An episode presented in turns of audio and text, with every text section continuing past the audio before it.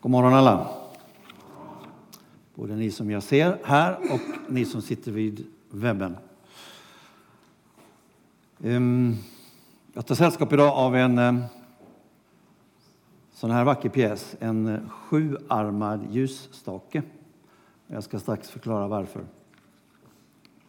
En del av er kan eh, säkert kanske lite historien om den sjuarmade ljusstaken. På hebreiska heter den menora. Och eh, när den väl togs fram på eh, Mose direktiv för att den skulle finnas med i uppenbarelsetältet så var det en symbol för den brinnande busken när Gud började tala till Mose. Men eh, jag tänker tända de här ljusen eh, under min predikan och eh, ni kommer strax att förstå varför. Vi har alltså den 12 januari idag, precis som David sa. Eh, kanske att ni inte har kollat i kalendern som jag gjorde, men det är tre månader till det är den 12 april. Då är det påskdag. Så, eh, så fort kommer det gå dit. Och fram till dess så har vi eh, 13 veckor varav vi har bestämt att vi ska ha lite annorlunda upplägg här i vår församling de närmaste 12 veckorna. Och därför så, vi kan ta första bilden, kommer eh, min predikan idag att handla om bön och just sju tankar som jag har kring bön.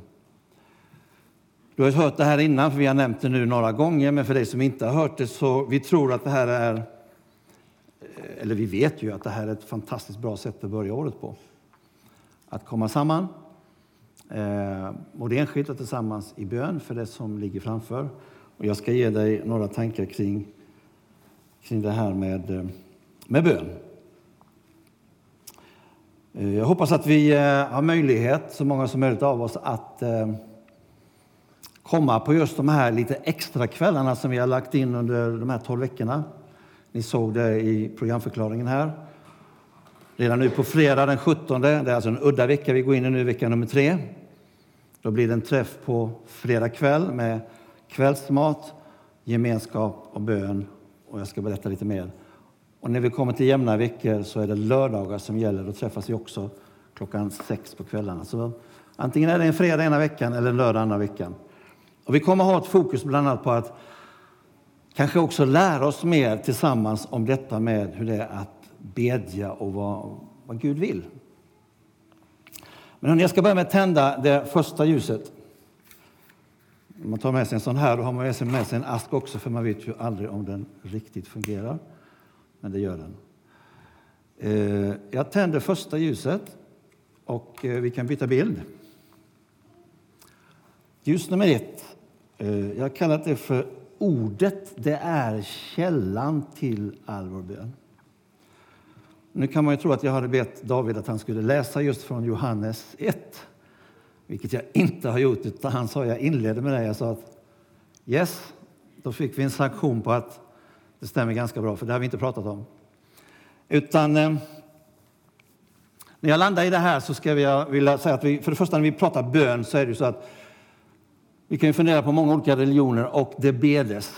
Eh, om man är hindu eller buddhist eller, eller man tillhör islam eller kanske man inte tillhör någonting, men emellanåt så tror jag att många säger Åh Gud, hjälp mig, det är besvärligt. Men det finns en skillnad i när vi som har sagt ja till Jesus går in i bön därför att precis de här orden som vi ska läsa några verser till en gång till att vi just har vår bön som startar i och har sin grund, sitt ursprung i källan. Det är ju så här att av de fyra evangelisterna så är det ju Markus och Johannes som faktiskt inte skriver någonting om Jesu födelse. Det har ni kanske noterat. Det är Matteus och Lukas som berättar om Jesu födelse. Utan Johannes, han börjar just på det här sättet. Och då kan vi ta nästa bild. Det var vad David nyss läste. Vi läser några av de verserna en gång till. I början fanns Ordet.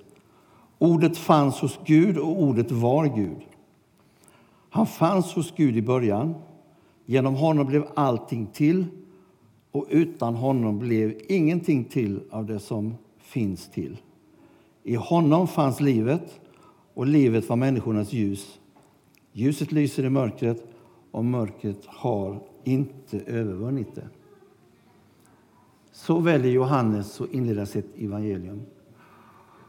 Och en del av er vet också att när det i Johannes evangeliet står just om ordet med stort O så är det alltså logos. Och eh, vi tror ju det att eh, det Johannes syftar på här under Andens inspiration han skriver det är att det är en person som syftas, nämligen att i början fanns Jesus. Och vi märker ju redan när vi ser hur Bibeln beskriver det allra första i Första Mosebok att det är någonting med det här med vad Gud säger.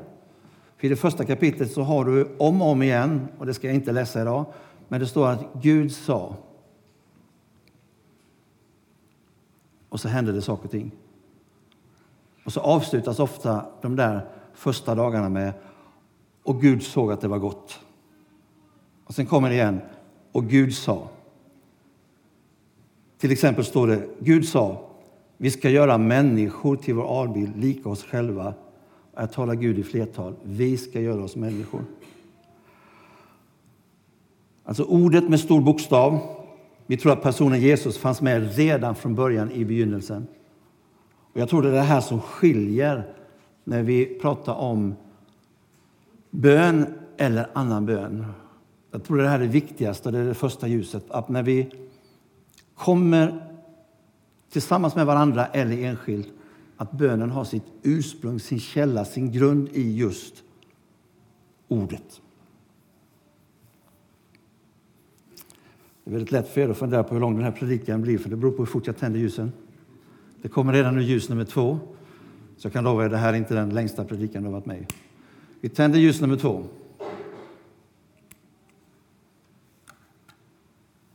Då kan vi se att här lägger jag en rubrik som säger Herre, lär oss att bedja. Och då tänker du kanske att jag har varit med väldigt, väldigt länge. Jag tror jag vet hur man ber. Det kanske ändå är som så att den här meningen som lärjungarna sa, Herre, du kan väl lära oss att bedja, är väldigt nyttigt för dig och mig.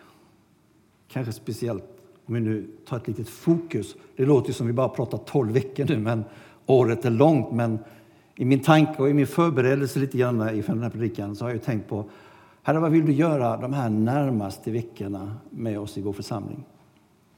Och jag tror att vi behöver tända ett ljus för att säga Herre, lär oss att bedja. Och det lyckas eh, 11 som skriver om det här. Och, eh, eller Lukas skriver om, i sitt kapitel 11 och då skriver han så här att en gång hade Jesus stannat på ett ställe för att be. Och när han slutat sa en av hans lärjungar, Herre, lär oss att be så som Johannes lärde sina lärjungar att be. Och då sa Jesus, så här ska ni be. Och lyssna nu hur vi ska be.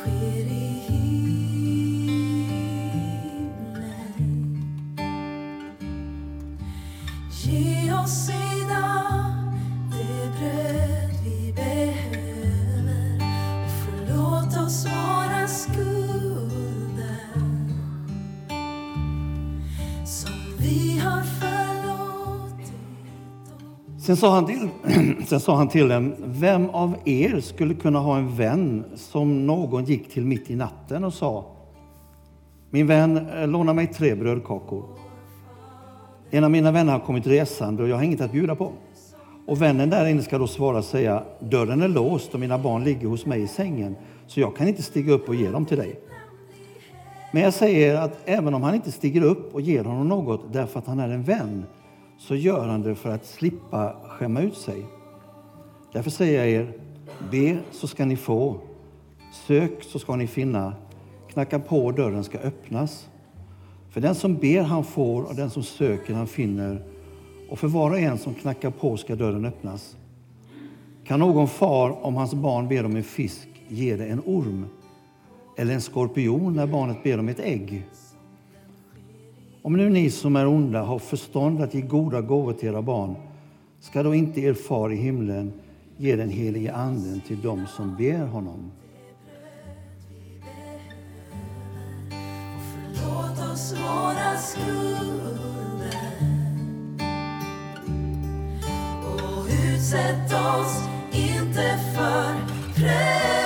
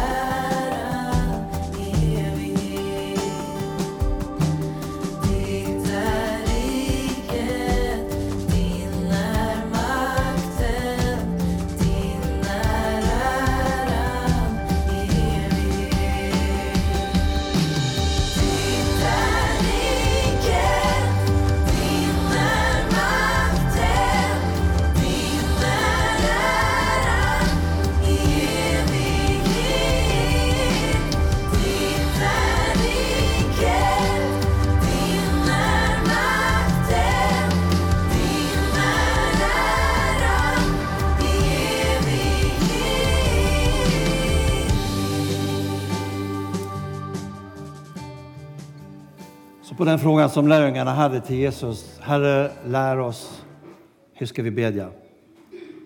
Och då fick vi de här orden från Jesus. Och vi kan ju det, för många av oss inleder varje skoldag på det sättet. Fader vår som är i himmelen. Det kan ju ni som är riktigt unga inse hur var det att gå i skolan då. Men så började oftast min skoldag med kantor Jansson som folkskollärare. Vilket bra sätt att börja en skola på. Men det gör vi inte längre. Men jag tror det ligger en hemlighet för oss allihop att vi aldrig ska bli mer stora, om jag uttrycker det så, i vår bön. Eller så säkra att jag vet. Vi kan formulera orden som man säger, vad vackert du ber.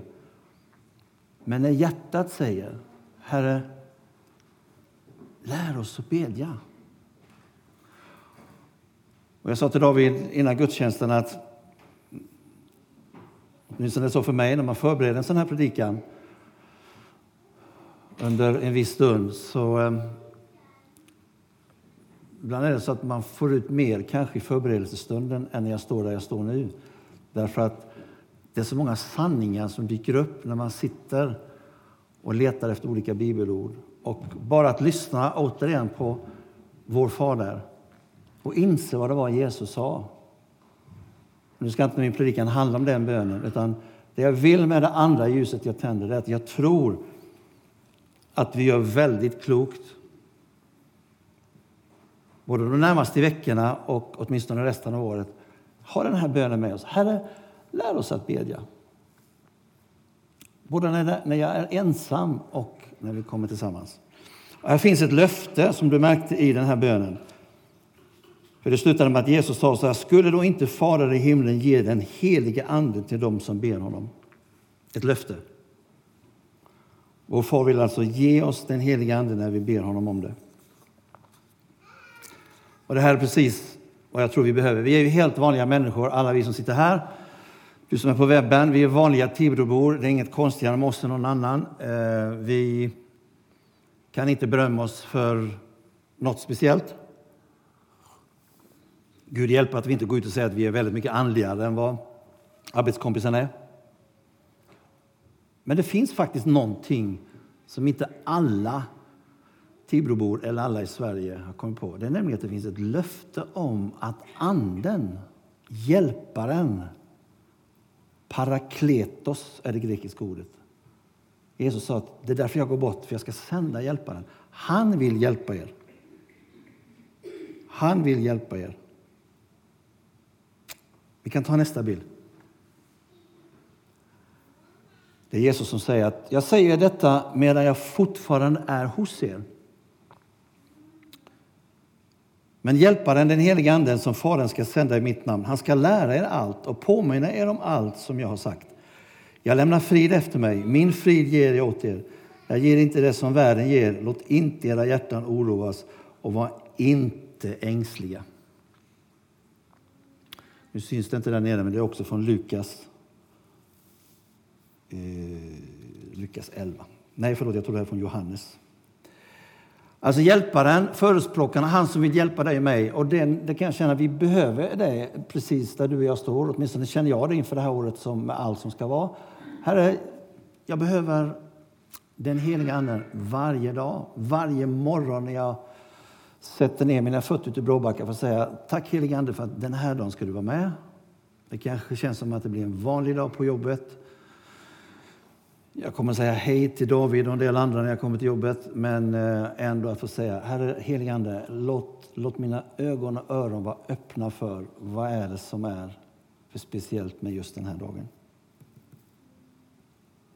Så det andra ljuset tycker jag är viktigt att säga att vi tänder det för att vi säger Herre, lär oss att be. Vi tar det tredje ljuset. Och då ser du att det står en text. Välj ut din böneplats.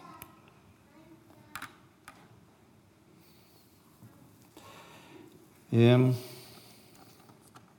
Det här är också någonting som vi, vi, väldigt många av oss känner igen. Vi vet alltså att Jo, men kan hända att du är som jag, då, då var det så varje kväll när jag la mig. Och mamma Gunsan, oftast var det väl hon, ibland var det pappa, men för det mesta så vi skulle be Gud som haver. Och vi var ju förfärligt många syskon, så det kryllade av ungar i samma rum.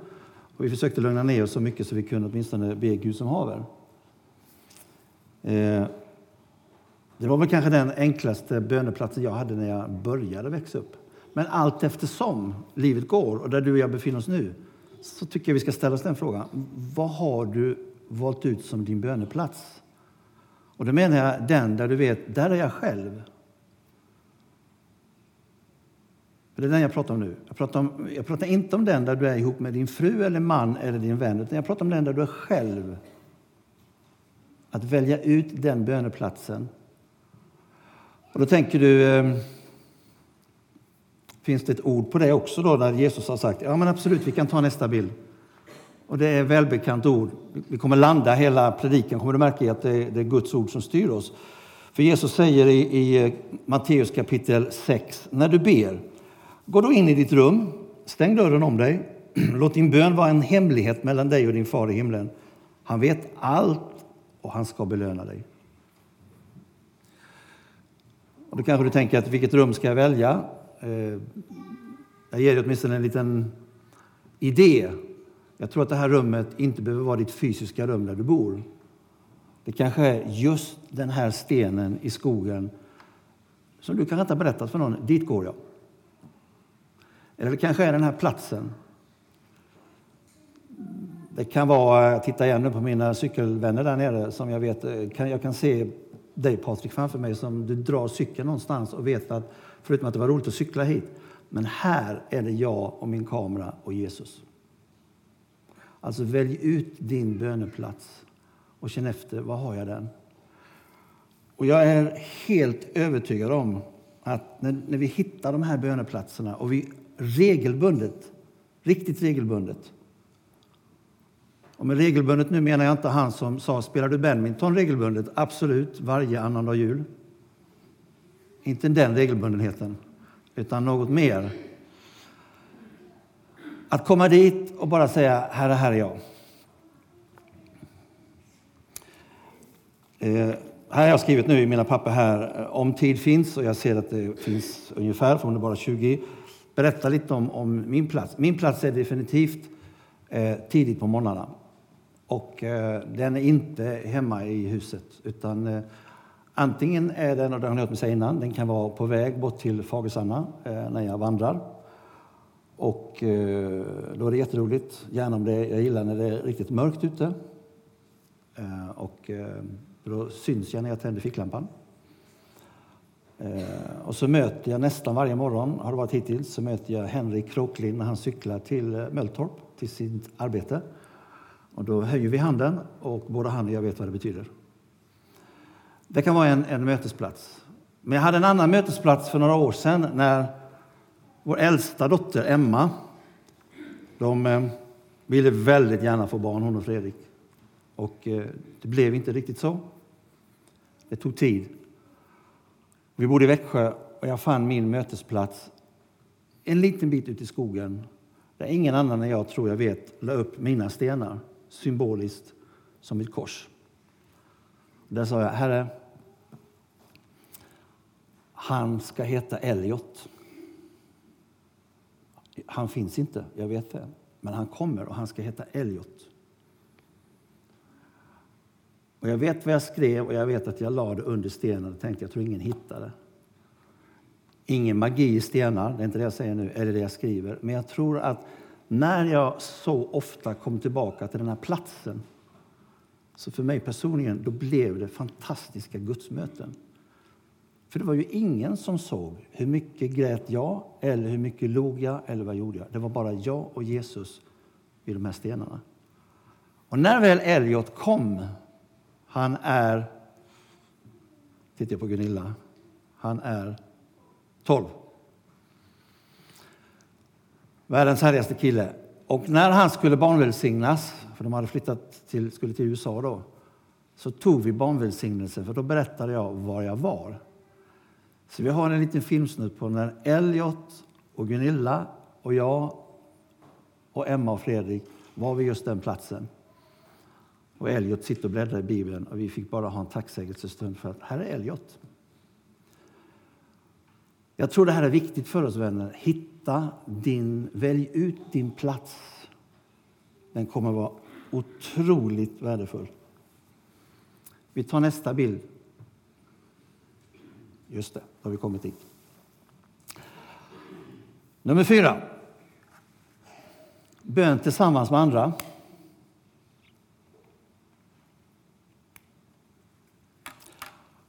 Um, vilka är de andra? Är det åtminstone någon mer än du? Jaha, du, du tänker nog på att vi, vi har vår hemgrupp, där är vi några stycken. Absolut, då är det mer än du.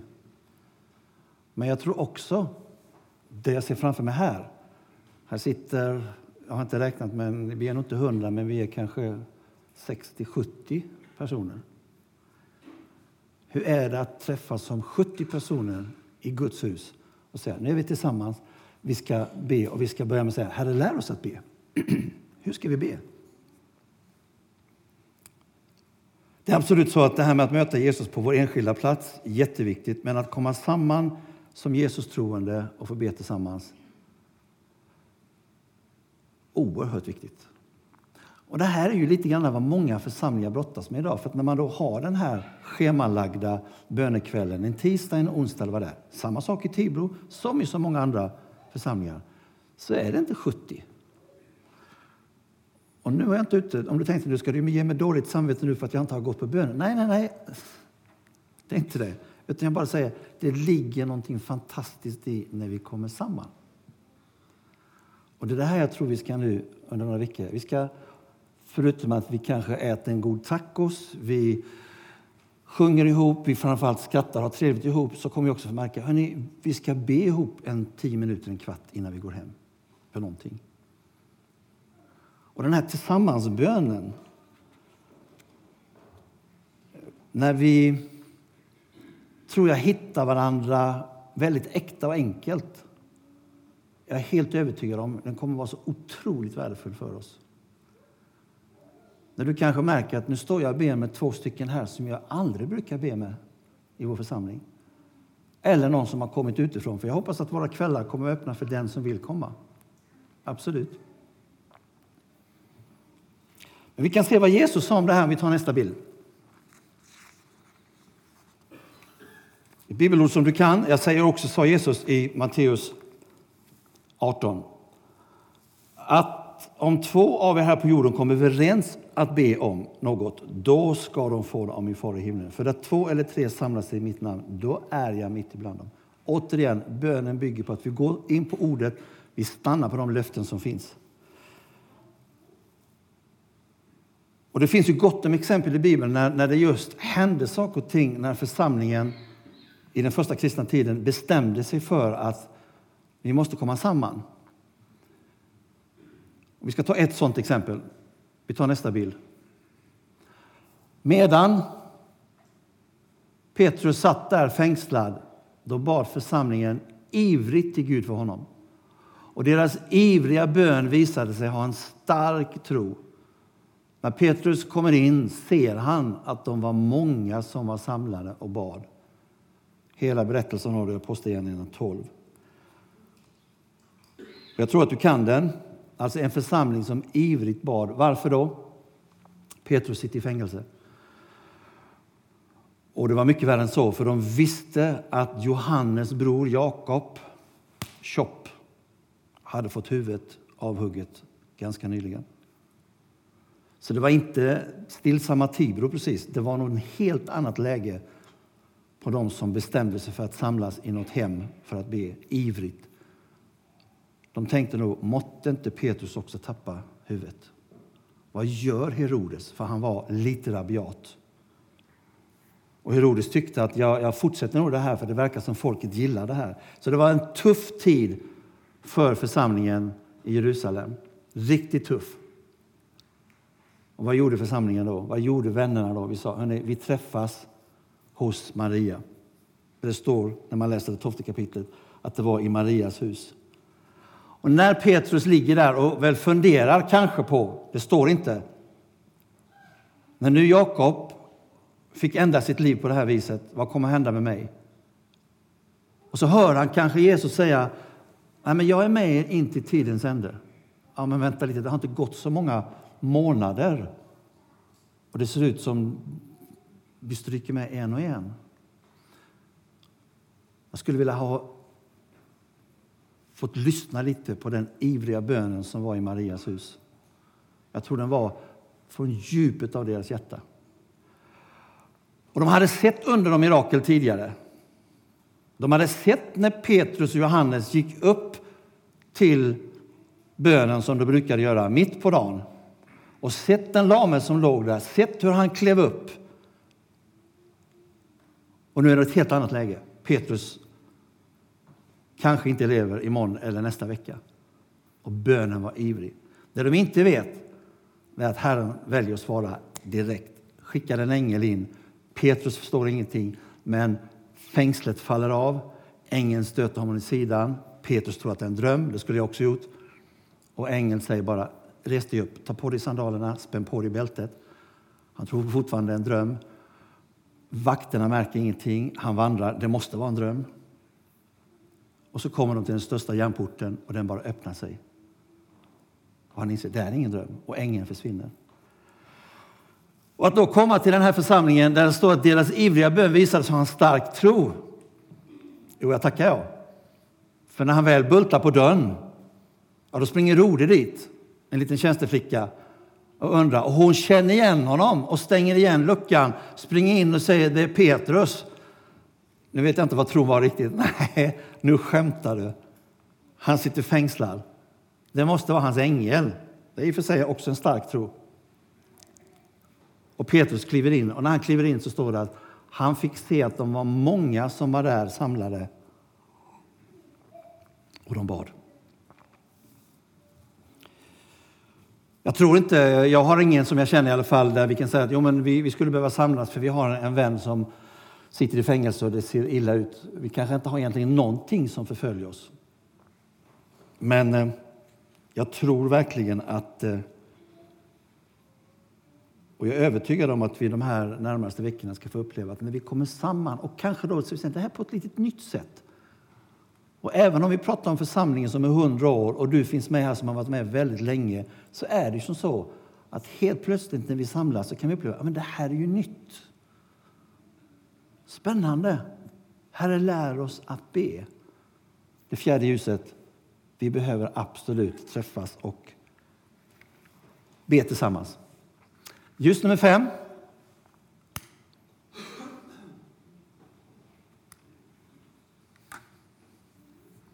Den profetiska bönen.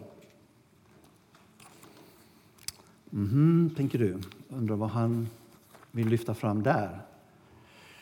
Därför att det här är ju ett område som vi kanske börjar fundera på. Jo, men det har vi ju...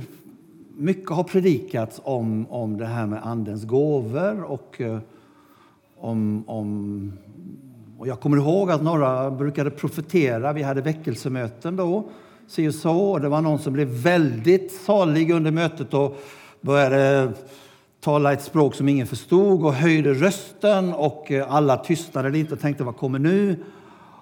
Och så eh, inleddes det oftast med att så säger Herren och så kom det ett, någon form av budskap. Många av er som sitter här nu vet att oh, men det har vi varit med om.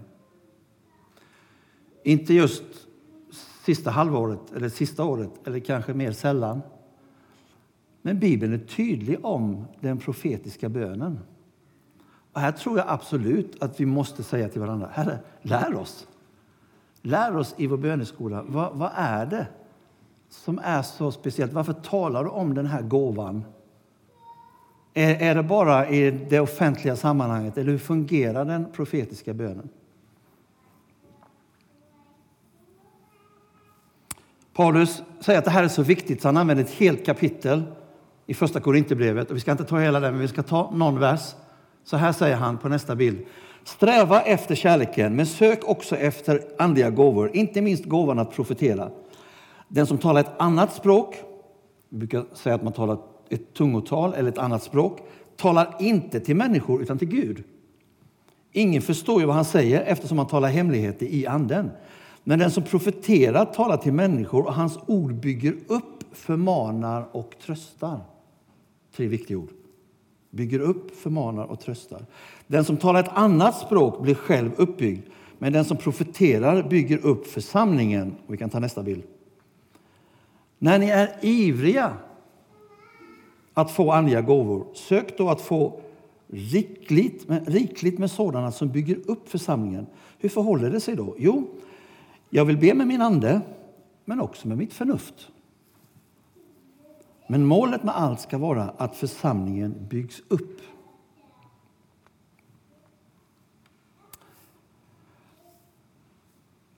Det är en helt egen predikan, eller kanske Bengt, Carro eller någon ska hålla bibelstudium om detta, om den, den profetiska bönen, hur det ska fungera i både i mötet med varandra, för som det står här, vi ska uppmuntra, vi ska trösta, vi ska bygga upp varandra. Det ska kännas uppmuntrande i.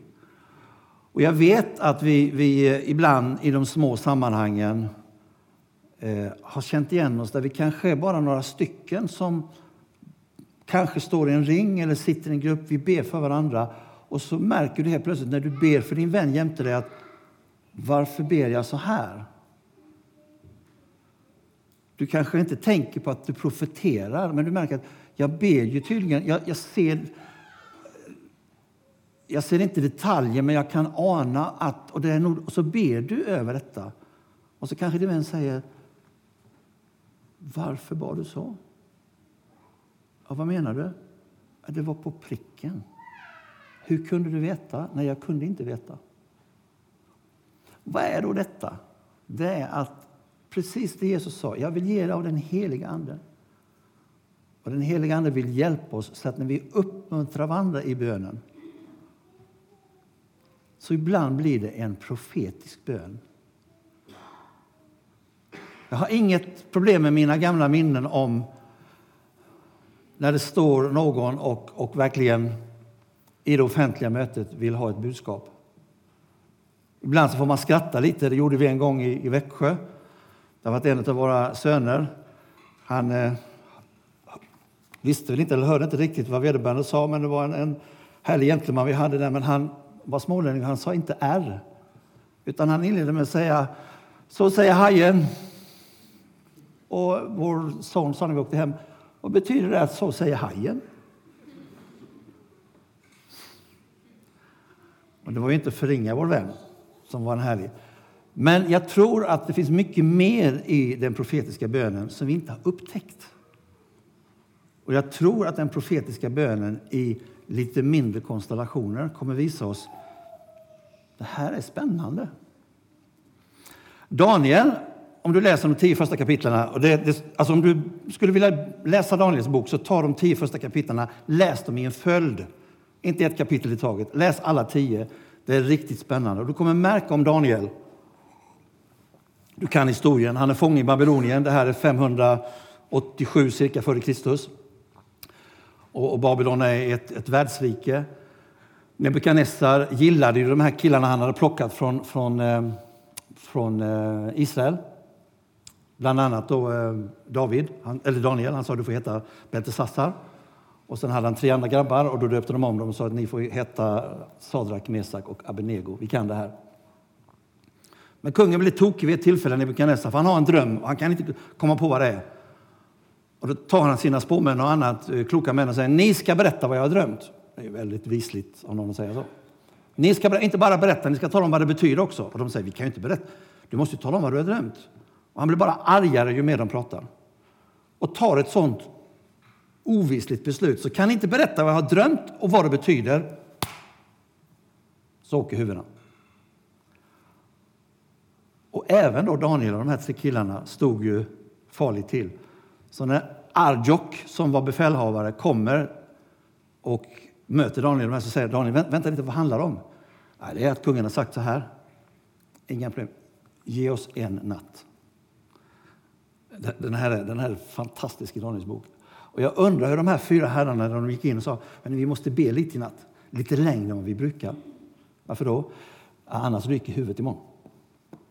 Gud måste bara. Nu, nu är det inte frågan om att ha bönesvar om ett par månader. Nu är det frågan om att få svar nu. Var har galne kungen drömt? Och Daniel får en uppenbarelse. Han har drömt det här. Och tar modet till sig och går in till kungen och säger jag ska berätta vad du har drömt. Han berättar, du kan läsa själv, jag tror det är kapitel 3. Kapitel 2 är det. Du kan, eh, och han berättar och han säger också det betyder det här. Nu ska du veta kungen, det är inte jag som är duktig utan den Gud jag tror på. Han ger Gud äran direkt. Och Nebukadnessar han faller åt andra hållet och säger fantastiskt underbart, den guden ska vi tro på. Och så gör jag dig till viseman i, i hela riket också. Det är nästan som man tror att det är en saga ibland att det finns så dumma kungar. Men uppenbarligen. Så Davids liv är fantastiskt. Men du kan läsa kapitel 10. Då är Daniel inne i bön och då är han förtvivlad för han vet inte riktigt varför. Och han beder under lång tid. Jag tror det står om det är 21 eller 23 dagar och då helt plötsligt uppenbarar sig Herrens ängel. Och David blir, Daniel blir så rädd så han faller ner på sina knän och ängeln säger att jag var med redan från första stunden när du började be i ödmjukhet. Men det tog mig ett tag, säger ängeln Mikael, innan jag nådde fram till dig. Och så beskriver han vilka motstånd han hade i den andliga världen. Läs Daniels bok. Det är spännande med den profetiska bönen att få ett kunskapens ord när vi ber. Och kom ihåg, det är till uppbyggelse, uppmuntran och kanske ibland förmaning, men i så fall förmaning i stor kärlek. Jag ska innan jag tänder det näst sista ljuset ge det bara ett exempel till i det här, för jag tror att det här ämnet med den profetiska bönen är något som Gud vill uppmuntra oss till och eh, utmana oss till. Eh, jag ska ta den här berättelsen väldigt kort, men jag och Gunilla var för eh, 17 år sedan tror jag det var, så var vi i USA på en, en kristen konferens. Och när vi hade varit med på eftermiddagsmötet, det var i staden Destin i Florida, så säger han som avslutade mötet, okej, då ses vi igen ikväll klockan sju, men de av er som vill ha en profetisk hälsning, ni kommer klockan sex. Och jag tittade på, vad, vad sa han? Jo, och då anmälde ni er i receptionen. Jag tänkte, det var väldigt annorlunda. Det har jag aldrig hört. Så jag sa till eh, min gode vän då, som höll i, i den här resan, jo men eh, de gör så ibland. Här. Anmäl dig, sa han. Jag tittade på Gunilla, så ska, ja men vi gör det, vi anmäler oss. Så vi åkte, åkte dit klockan sex, gick till receptionen och sa, ja, vi skulle vilja anmäla oss till profetisk bön. Ja, det går bra. Är ni ett par? Det var väldigt inte okonstlat, absolut. Då ska ni gå in i, i stora gympasalen och stå där inne. Så vi kommer in och där står någon och dirigerar grupperna till höger och vänster. Vi hamnar i en grupp och så säger okej, okay, då är vi här, vi är några par. Ni ska följa med de här två och vi ska gå till ett annat rum och så ska vi be tillsammans. Och vi var vi, jag får tala för mig själv, men jag vet att vi har pratat mycket om det, väldigt nyfikna. Vad blir det av detta? Det är ju liksom inte ett, ett klassiskt väckelsemöte utan det är väldigt strukturerat att vi ska gå dit. Och vi kommer upp i det där rummet och det finns, jag tror det var 10-12 stolar utställda och vi satte oss där på en rad och det stod tre personer där framme och säger att vi har aldrig sett dem. Vad spännande, vi ska få be tillsammans och vi tror att Herren har en hälsning till er. Och eh, det går till så här för att det ska vara ordning och reda. Därför att det hade de sagt, det ska vara ordning och reda när vi ber för varandra. Att vi kommer spela in den bön vi ber och den spelas in på två, där, nu märker du att det är långt tillbaka för det var kassettbandspelare. För er som är unga, små fyrkantiga saker som det var något snöre som snurrade i där. Ja. Ehm, I alla fall, kassettbandspelare och de sa vi spelar in. Det ena bandet behåller vi. Jag vet inte riktigt varför. Det var kanske att lära sig. Det andra bandet ska ni ta med hem och lyssna gärna på det bandet sen tillsammans med vänner som ni har förtroende för. Så får ni väl bedöma om, om det här var någonting som ni bara ska lägga åt sidan eller inte. Och så kommer de här personerna fram en och en. Jag kommer ihåg den första kvinnan som kom fram och började be, för, för det var en kvinna som satt jämte, jag tror vi satt som nummer två, och, och de skulle be för henne först.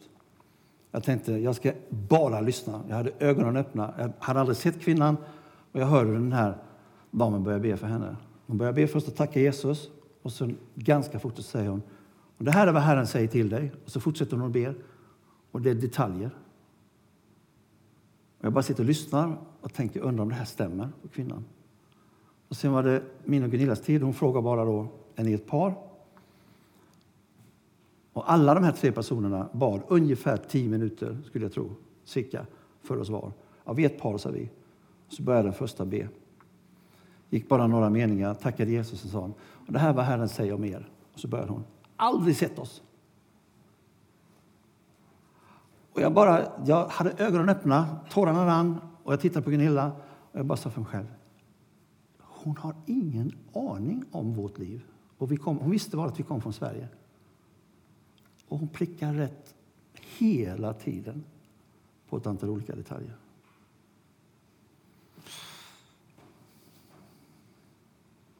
Det spännande med profetisk bön. Vi ska inte vara ängsliga för den. Därför att det står så tydligt i 14 kapitlet här i första Korinthierbrevet. Det ska vara förnuft och klokhet.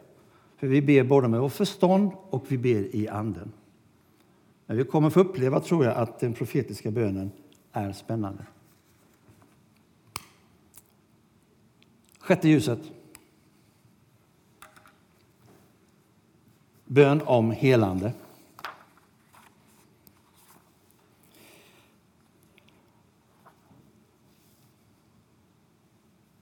Det finns ju massor med exempel som vi vet i Bibeln om det här med hur Jesus bad för helande. Det är så mycket under och mirakel i evangelierna.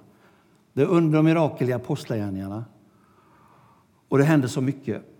Och den här bönen om helande, då vet jag där vi sitter här idag, jag är en av dem, där vi ibland känner att jo men, det är inte lika ofta i min värld som jag är med om att när vi ber om helande för någon som är sjuk, att det sker omedelbart.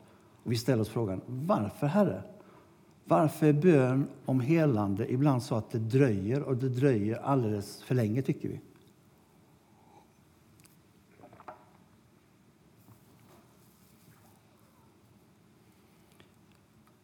Jag tror att när vi, när vi vill praktisera bön för sjuka, bön om helande, då är det absolut viktigt att vi då inte bara ställer oss frågetecken utan vi går, landar i ordet igen. Det är ursprungskällan till all vår bön. Och vi byter bild och det är Jakob, Jesu bror, bror, som skriver så här. Om någon är sjuk, då ska han be. Om, och om någon är glad, då ska han sjunga glädjesånger. Om någon är sjuk ska han kalla på församlingens ledare och de ska be för honom och smörja honom med olja i Herrens namn. Deras bön, som bes i tro, ska göra den sjuke frisk och Herren ska resa upp honom. Och om den sjuke har syndat ska han bli förlåten. Bekänn därför era synder för varandra och be för varandra så att ni kan bli botade. Den rättfärdiges bön har stor verkan. Ni har läst det tidigare och ni kan det, många av er. Och det är ju en tydlig uppmaning till oss, gör så här. Och jag bara tror det är viktigt i det som är vår Tibroförsamling och när vi funderar på hur ska vi praktisera det här. Jag tror att vi ska göra precis som ordet säger. Ja, men säger du, jag har ju varit med om detta för att det blev ju inte så. Det har jag också varit. När min far fyllde 85 år så var vi samlade i Gnosjö många och jag har berättat för er innan tiden ni hört att han hade inte sin syn. Och jag sa till Jesus, jag bad så ofta att jag vill att pappa ska få tillbaka, han ska inte behöva vara blind hela livet ut. Hur länge han nu än får leva. Och nu flyttade han ju då som ni vet förra söndagen. Eh, och vi har bett mycket för att han skulle få tillbaka. Jag har många gånger just på min böneplats sagt, Herre jag vill att du ska göra så att om han inte ska få tillbaka sin syn så ska du tala om för mig att jag ska sluta be om det. Jag upplevde inte att jag skulle inte sluta be om det. Och jag och pappa kunde prata bra om det, så jag sa att du lovar att ringa mig så fort du får tillbaka din syn. För jag vill höra att, att vi får svar. För han sa att det skulle ju vara, han klagar aldrig, men han sa att det skulle vara roligt om man kunde få se lite mer än vad man gör. Och när han fyllde 85 så var vi många samlade och vi praktiserade det här. Vi till och med hade en böneduk, vi hade smort det med olja. Barnbarnen var där, vi var, och barnbarnsbarn, vi var jättemånga. Och vi la en duk på pappa Allans ögon. Och, och eh, det var lugnt och stilla och jag tycker nog att vi hade tro för att herre, vi, vi går på ordet. Och han tog emot det här och, och tyckte det var spännande och han sparade den där duken. Men när jag träffade honom förra fredagen, två dagar innan han dog, så var inte synen tillbaka. Och då fick jag säga till honom, det var det sista jag sa innan vi gick därifrån på fredagen. Glöm inte att du ska ringa mig. Vad då, sa han, när du får tillbaka din syn. Ja, just det. Och går du över tröskeln in i den andra världen, så, jag, så får du väl ringa från den världen då. Jag vet inte hur det går till, men ring. Nu har han varit i den världen en vecka och han har inte ringt än. Jag vill säga med det här vänner är att, men varför fick vi inte svar? Vi kan bli lite upproriska då. Eller så säger vi att jag ska läsa Jobs bok, för han hade det ändå besvärligare. Och läs Jobb får du se att han var väldigt ärlig och tydlig mot Gud. Alltså, jag vet att jag inte har gjort. Vännerna var lite besvärliga.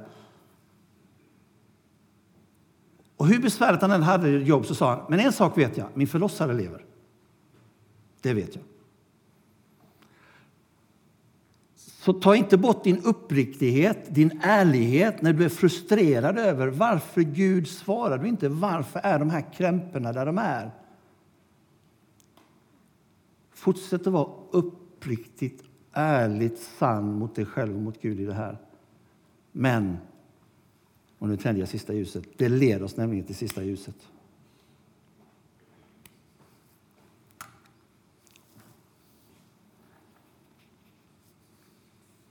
Uthållig bön. Och här kan man ju undra lite grann. Om nu Jesus gjorde så många under, han frågar den som är blind, vill du, vill du bli frisk? Ja, det vill jag. Han som som inte kom ner till dammen, ni vet, Betestadammen. För han sa, det är ingen som hjälper mig ner. Ja, en fråga man kan ställa, hur mycket har du försökt ta dig ner själv? Eller, eller sitter du där för att det är lite bekvämt också för alla andra att ta hand om dig? Eller vill du bli frisk? För det betyder att du måste börja jobba och ta hand om vissa saker. Men Jesus gjorde massa med under. Och ibland så ser vi då att, men varför dröjer det?